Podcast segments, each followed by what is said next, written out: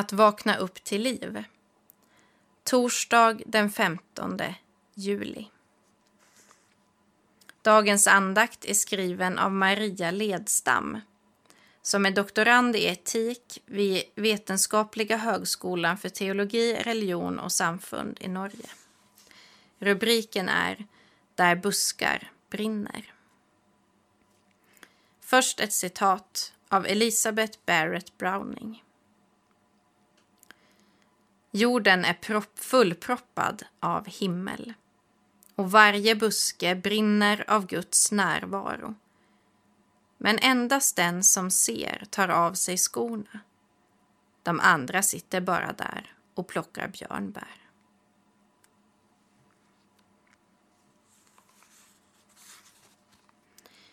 I lustgasdimmorna märkte hon hur fler och fler grönklädda människor rusade in i rummet. Hon hade varit med om det här förut, men bara genom filmer och böcker. Det är nu det sker, hann hon tänka, trots att hon var alltför trött och påverkad för att helt greppa vad som hände. Det är nu något går fel. Barnmorskan ser henne i ögonen och berättar med myndig stämma om allt som skulle hända i rummet. Någon skulle klippa, en annan använda sugklocka och ytterligare några skulle trycka på magen. Allt för att få ut barnet så snabbt som möjligt. De lyckades inte vid det första försöket. Inte heller vid det andra. Eller tredje. Hon skulle hjälpa till, sa de. Nu var det väldigt viktigt att hon hjälpte till. Hon skulle använda den där urkraften, den där inbyggda styrkan som alla kvinnor bär på. Men hon hittade den inte.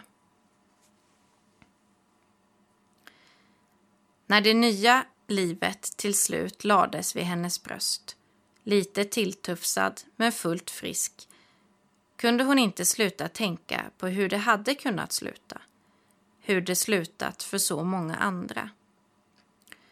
Hon vände sig till barnmorskan som stod böjd över den lilla och sa Jag klarade det inte. Jag klarade inte att få ut mitt eget barn. Om jag fött barn i Östafrika hade förmodligen ingen av oss överlevt. Barnmorskan tittade förvånat på henne och verkade leta efter orden innan hon till slut svarade nu ska du inte vara så filosofisk. Var istället tacksam för att sjukvården fungerar så väl i Sverige. Allt gick bra. Självklart var hon tacksam. Hon var oändligt tacksam för all hjälp som hon och hennes man hade fått ta emot av den professionella vårdpersonalen. Men just då behövde hon få stanna kvar i det som var.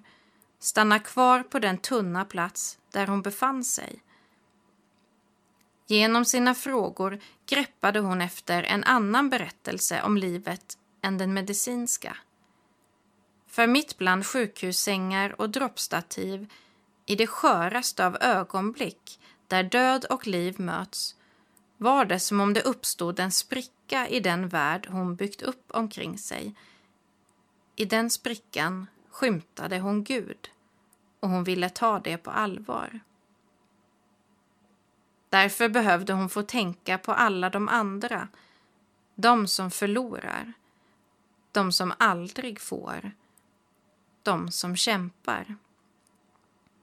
Hon anade att hon inte var ensam, att de andra aldrig varit ensamma. Ingenting var självklart.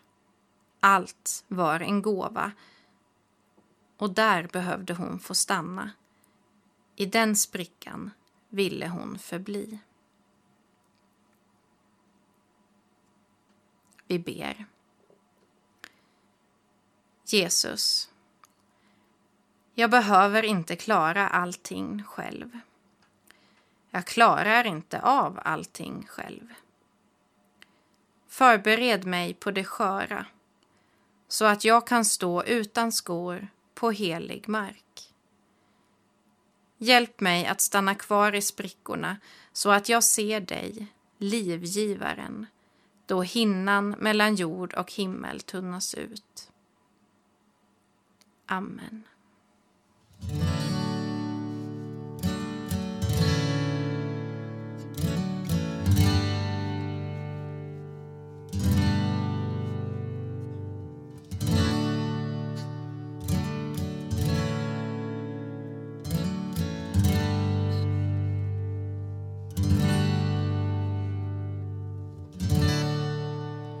Du har räddat mig.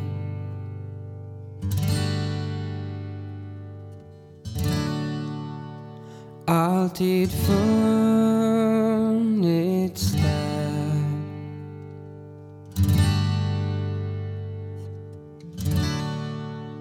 Vid min sida var dag.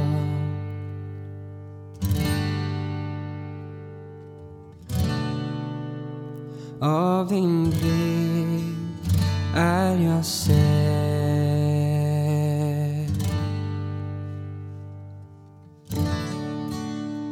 Fastän livet gör ont.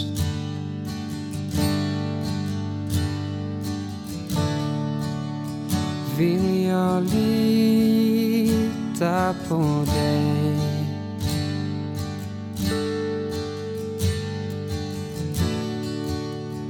Tro att du hör min bön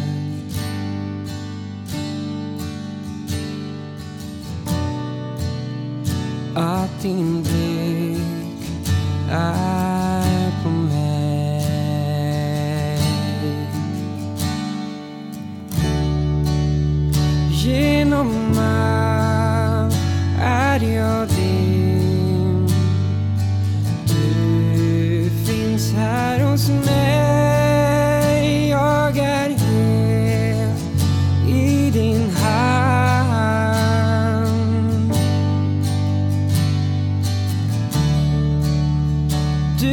Du som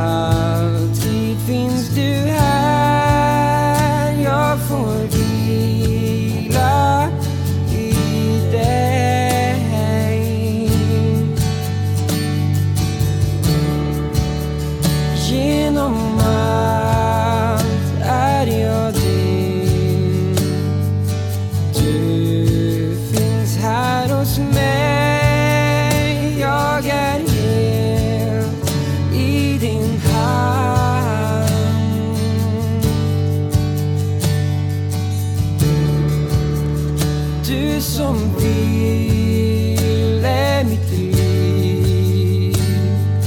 Alltid finns du här Jag får vila i dig.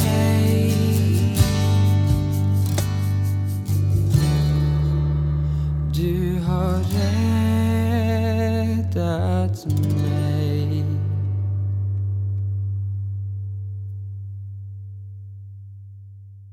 Vi ber. Vår Fader, du som är i himmelen.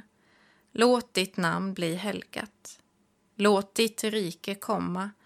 Låt din vilja ske, på jorden så som i himmelen. Ge oss idag det bröd vi behöver och förlåt oss våra skulder, liksom vi har förlåtit dem som står i skuld till oss. Och utsätt oss inte för prövning, utan rädda oss från det onda. Ditt är riket, din är makten och äran i evighet. Amen. Ta emot Guds välsignelse. Herren välsigne dig och bevare dig. Herren låter sitt ansikte lysa över dig och vare dig nådig. Herren vände sitt ansikte till dig och give dig frid. I Faderns, i Sonens och i den helige Andens namn. Amen.